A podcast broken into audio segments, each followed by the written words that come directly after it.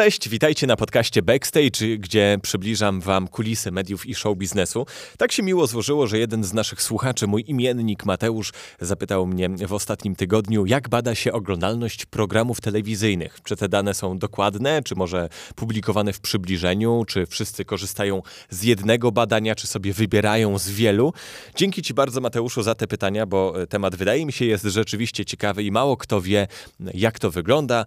No więc właśnie o tym dzisiejszy odcinek będzie e, naszego backstage'u. Ale najpierw jedna akcja, e, o której chciałem Wam jeszcze powiedzieć. Niespodziewanym efektem kwarantanny e, jest załamanie się całej pomocy akcji dożywiania dzieci Pajacek. Na pewno Pajacyka kojarzycie, bo on już od bodaj ponad 20 lat funkcjonuje w Polsce. A sytuacja jest taka, że szkoły są zamknięte, więc stołówki też. I dzieciaki, które dotychczas miały okazję na ciepły posiłek tylko w szkole, teraz straciły szansę. Dlatego Dlatego ruszamy ze zbiórką, znaczy zbiórka już wystartowała, ale ruszamy z promocją, żeby dowozić jedzenie do tych najbardziej potrzebujących e, dzieci. To będą takie specjalne paczki żywieniowe przygotowane. Szczegóły znajdziecie na pajacyk.pl, a ja jutro jeszcze wystartuję ze specjalną akcją na moich social mediach, także jak będziecie śledzić, to, to na pewno zobaczycie. No i będę wdzięczny choćby za złotówkę od Was, e, jakiekolwiek wsparcie i, i przekazanie tej akcji e, dalej. Tyle. Dziękuję Wam za Wasze zaangażowanie, jakiekolwiek by nie było.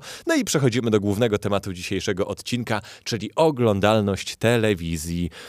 Często gdzieś tam w rozmowach czy w internecie słyszałem youtuberów, którzy chełpili się swoimi wynikami w internecie, że mój filmik na YouTubie ma na przykład milion wyświetleń, czyli tyle, ile widzów ma program Kuby Wojewódzkiego ale niestety metodologia pomiaru jest tutaj zupełnie inna, więc milion w telewizji jest o wiele więcej wart niż milion w internecie. Dlaczego?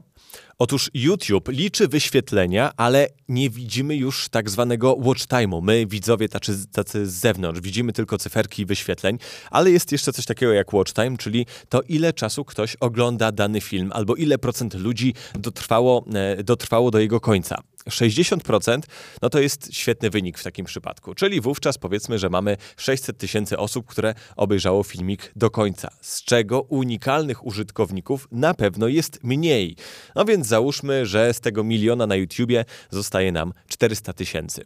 No i już ta liczba nie jest tak imponująca, prawda? A jak to wygląda w telewizji? Te podstawowe wyniki, które są oficjalnie publikowane, one pokazują nam oglądalność telewizji, ale uwaga, w każdej minucie danego programu. Czyli non-stop średnio przed telewizorem było milion widzów.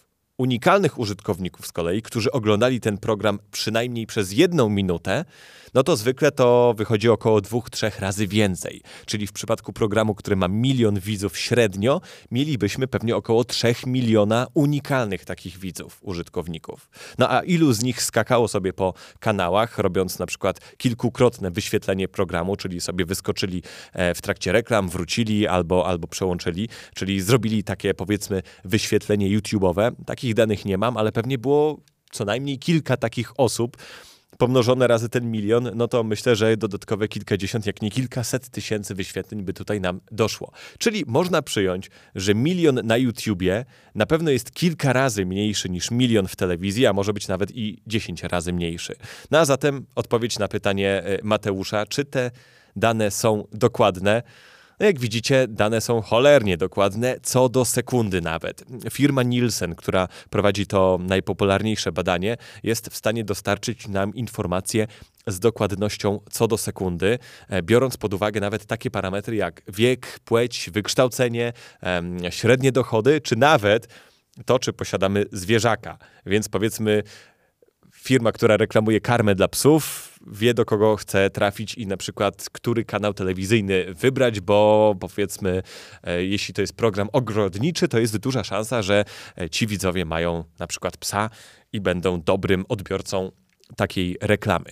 No i taki potencjalny reklamodawca jak widzicie, może dostać e, dość wiele informacji i dobrze wycelować swój komunikat w odpowiednią grupę docelową. Przynajmniej w teorii. No właśnie. To jest wszystko teoria, natomiast jak dochodzi się do tych wyników i jakie są ich wady? Otóż e, rynek szanuje w zasadzie jedno badanie, to dostarczane przez firmę Nielsen. E, być może się wam obiło o uszy jakiś czas temu, jak to były prezes TVP Jacek Kurski mieszał z błotem właśnie tę firmę i prezentował swoje własne wyniki rynku telewizyjnego, e, które oczywiście dziwnym trafem zawsze pokazywały TVP w lepszym świetle, że ma wyższe wyniki niż w tym badaniu Nielsena. No, niestety służyło to jedynie propagandzie, bo żaden dom mediowy nie bierze takich badań w ogóle pod uwagę. E, podobnie e, z wynikami z sieci kablowych. E, dzisiaj technologia pozwala nam na to, żeby pobierać informacje z dekoderów, gdzie no, próba badawcza jest o wiele, wiele większa, bo to są już czasami nawet miliony odbiorników. No i stacje telewizyjne też otrzymują takie dane, na przykład procentowego udziału w rynku tych telewizji kablowych, ale znowu dla rynku reklamodawców one nie są wiarygodne. Również e, dlatego, że nie uwzględniają całego przekroju badawczego e, społeczeństwa według takich norm nauki socjologicznej. No bo jednak z kablówki albo z telewizji satelitarnej korzysta szeroka bądź co bądź, ale jednak określona część społeczeństwa o określonych dochodach, określonym miejscu zamieszkania. No bo kablówki raczej na wsi nie mamy, tylko powiedzmy w miastach.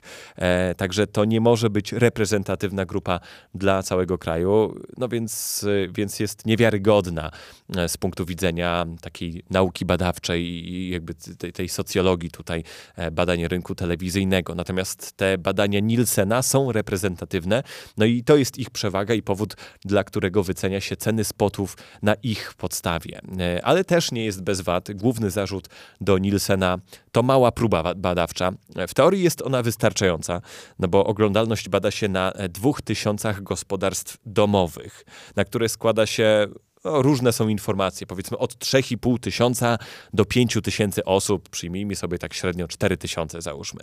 No więc grupa ta musi być idealnym przekrojem społeczeństwa, czyli zawierać taki sam procent kobiet, mężczyzn, ludzi w danym wieku, z danym wykształceniem, z miast, ze wsi, z większych miast, z mniejszych miast i tak dalej, i tak dalej. No i zauważcie, że na przykład w sondażach politycznych próby badawcze są mniejsze, w okolicy tysiąca do półtora tysiąca osób. No i je robi się na, na podobnych zasadach i często też bardzo ładnie trafiają w te wyniki, no bo exit poll w wyborach niewiele zwykle się różni od końcowych wyników tam. Ten błąd statystyczny 2-3% powiedzmy. Tylko, że e, wtedy mamy po pierwsze do wyboru pięciu, maks dziesięciu kandydatów albo partii, no a tutaj mamy prawie 200 kanałów telewizyjnych, które trzeba zmierzyć. Do tego, jak mamy wyniki partii 25-30%, to ten próg błędu statystycznego aż tak bardzo nam nie wadzi.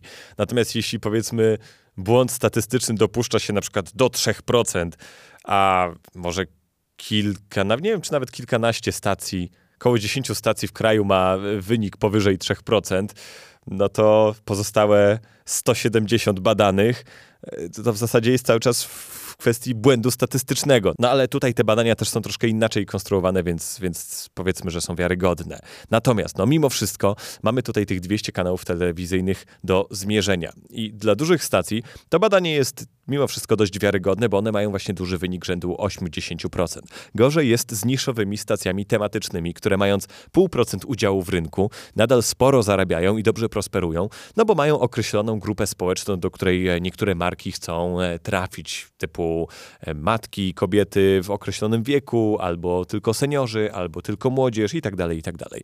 No i teraz przy tak małym panelu 2000 gospodarstw, jedno gospodarstwo może tutaj na przykład decydować o zwolnieniach, bo jeśli panelista wypadnie nam z panelu, bo on też się tam zmienia na bieżąco i co, co roku jakiś tam procent tego panelu jest wymieniany, e, a dany człowiek lubił oglądać jakąś stację i ją regularnie oglądał, ale już nie jest badany, bo wypadł, no to pyk, nagle oglądalność idzie na łeb na szyję o 20-30% w dół. Na to w skali roku, nawet dla takiej małej stacji, mogą być miliony złotych i nagle e, trzeba zwalniać ludzi i, gdzieś szukać jakichś oszczędności albo ograniczać produkcję i tak dalej.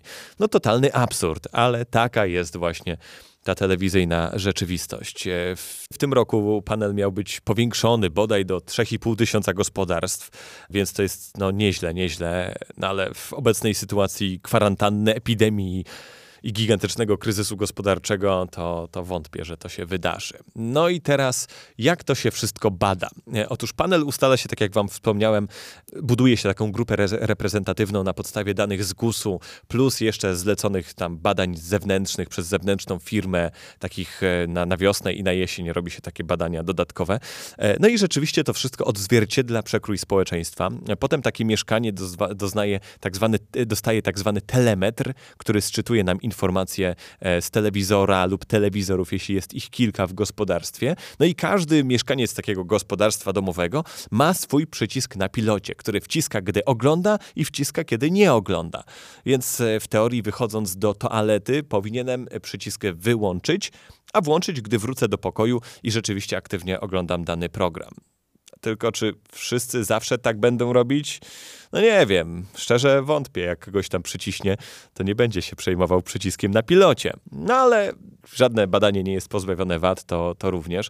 Później te dane są wysyłane do Nielsena, oni sobie je analizują, e, no i wykluczają, gdy na przykład od kogoś spływają dane, że jeden program oglądał całą dobę non-stop, no to wiadomo, że to jest mało e, prawdopodobne i wiarygodne, więc się coś takiego wyklucza. No i jak już wszystko wygląda na maksymalnie takie trafne i prawdziwe, to trafia do nadawców i oni sobie tam mogą przeglądać różne warianty tych wyników, czyli na przykład średni dobowy wynik stacji albo poszczególnych programów, albo średni czas oglądania danego programu, a nie samą liczbę widzów y, konkretnie, czy, czy udział procentowy w rynku, y, ale nawet są szczegóły dotyczące widzów, y, czyli właśnie ten wspomniany wiek, majętność, region kraju itd., tak itd. Tak a zważywszy na to, że na przykład na YouTubie bierze się dane na podstawie tego, co sobie wpiszemy, zakładając konto Google'a bez żadnej weryfikacji, no to sami widzicie, że te dane telewizyjne są wyjątkowo szczegółowe i wiarygodne, ale niestety też często krzywdzące dla małych nadawców, no bo jeśli jedna osoba może mieć wagę kilkunastu czy kilkudziesięciu tysięcy y, widzów w społeczeństwie, no to coś tutaj jest y, nie tak. Natomiast zwykle główną walutą jest udział w rynku, a nie niekoniecznie liczba widzów, y, no bo ludzie generalnie się odwracają od telewizji, tak jest globalny trend, więc zdarzają się sytuacje, że liczba widzów danego programu spadła, ale udział w rynku wzrósł, bo innym spadło bardziej albo telewizję ogółem ogląda teraz mniej ludzi, więc ta liczba widzów daje nam większy udział w rynku. Natomiast co do pytania, czy wszyscy korzystają z jednego badania, no to częściowo już odpowiedziałem, ale uściślając, dane otrzymywane są z różnych źródeł, ale, do rozliczeń bierze się tylko tego Nielsena e, przez reprezentatywną próbę i dokładne informacje oglądalności, na przykład bloków reklamowych, no bo jak mamy oglądalność w każdej sekundzie programu, to podczas bloków reklamowych też. No i później telewizja telewizje dostają reklamy z domów mediowych, a te dogadują się z klientami co do kwoty na kampanię. Także to też nie działa w ten sposób, że przychodzi sobie firma e, i na przykład negocjuje z poszczególnymi stacjami telewizyjnymi i wykupuje w nich e, reklamy, tylko idzie do domu mediowego, rzuca mu 30 milionów złotych i prosi o ładne rozłożenie tego tak, żeby dotarcie i efektywność kampanii była jak największa.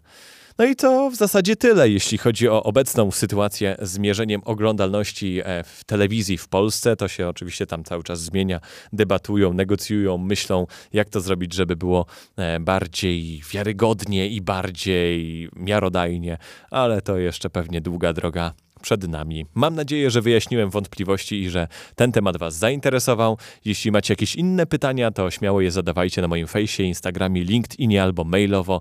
E, bądźcie e, też zdrowi, e, siedźcie w domu. No i zapraszam Was do słuchania kolejnego odcinku, odcinka podcastu Backstage. Trzymajcie się i do usłyszenia.